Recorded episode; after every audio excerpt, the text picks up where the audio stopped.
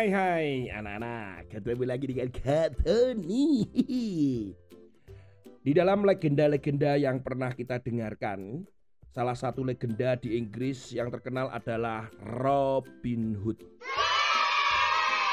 Kalian kalau pernah membaca bukunya atau mungkin nonton filmnya Kalian pasti mengerti bentuknya, ceritanya, keahlian Robin Hood Bagaimana dia memanah dengan sangat akurat dan cepat sekali.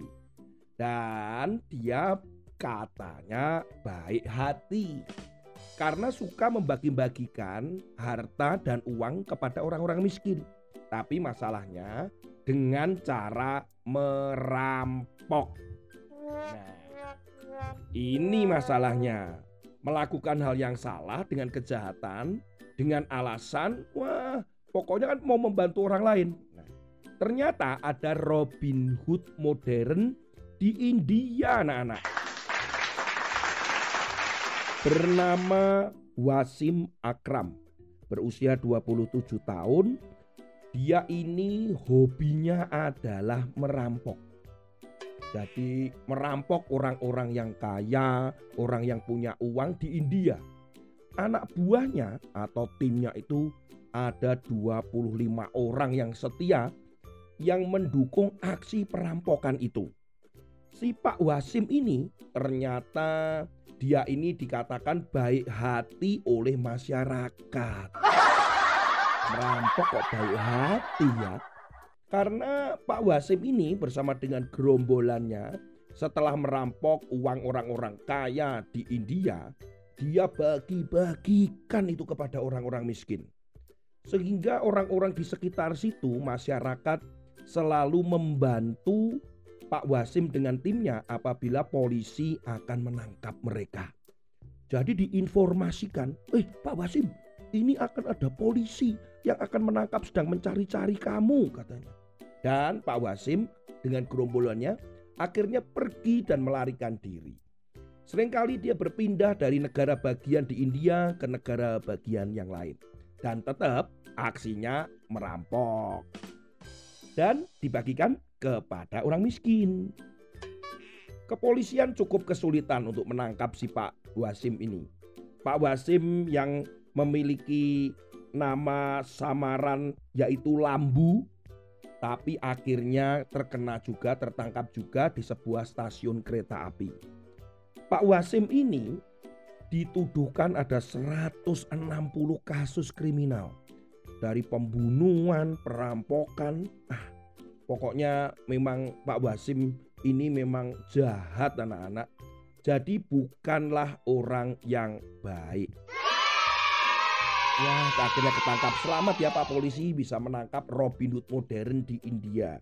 Alasan apa pun, perbuatan yang jahat dengan alasan mau berbuat baik kepada orang lain tetap saja itu salah. Bagaimana dengan kalian? Apakah kalian pernah melakukan hal yang sama?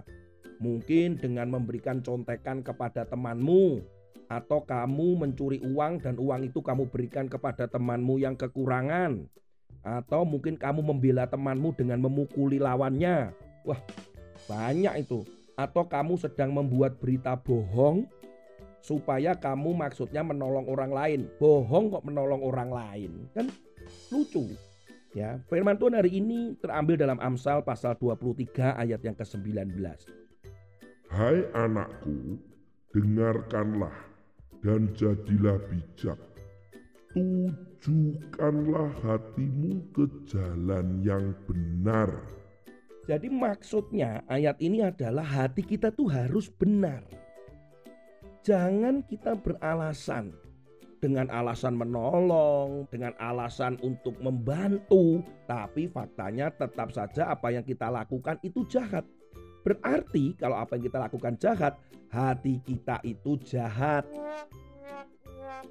Hati kita belum benar. Nah, oleh karena itu anak-anak, mari setiap pagi kita periksa hati kita apakah hari ini hati saya sudah benar karena dari dalam hati inilah terpancar kehidupan. Artinya kalau hatimu benar, maka yang kamu lakukan akan benar. Kalau kita melakukan yang salah, berarti hati kita perlu dicek. Apakah sudah ada firman?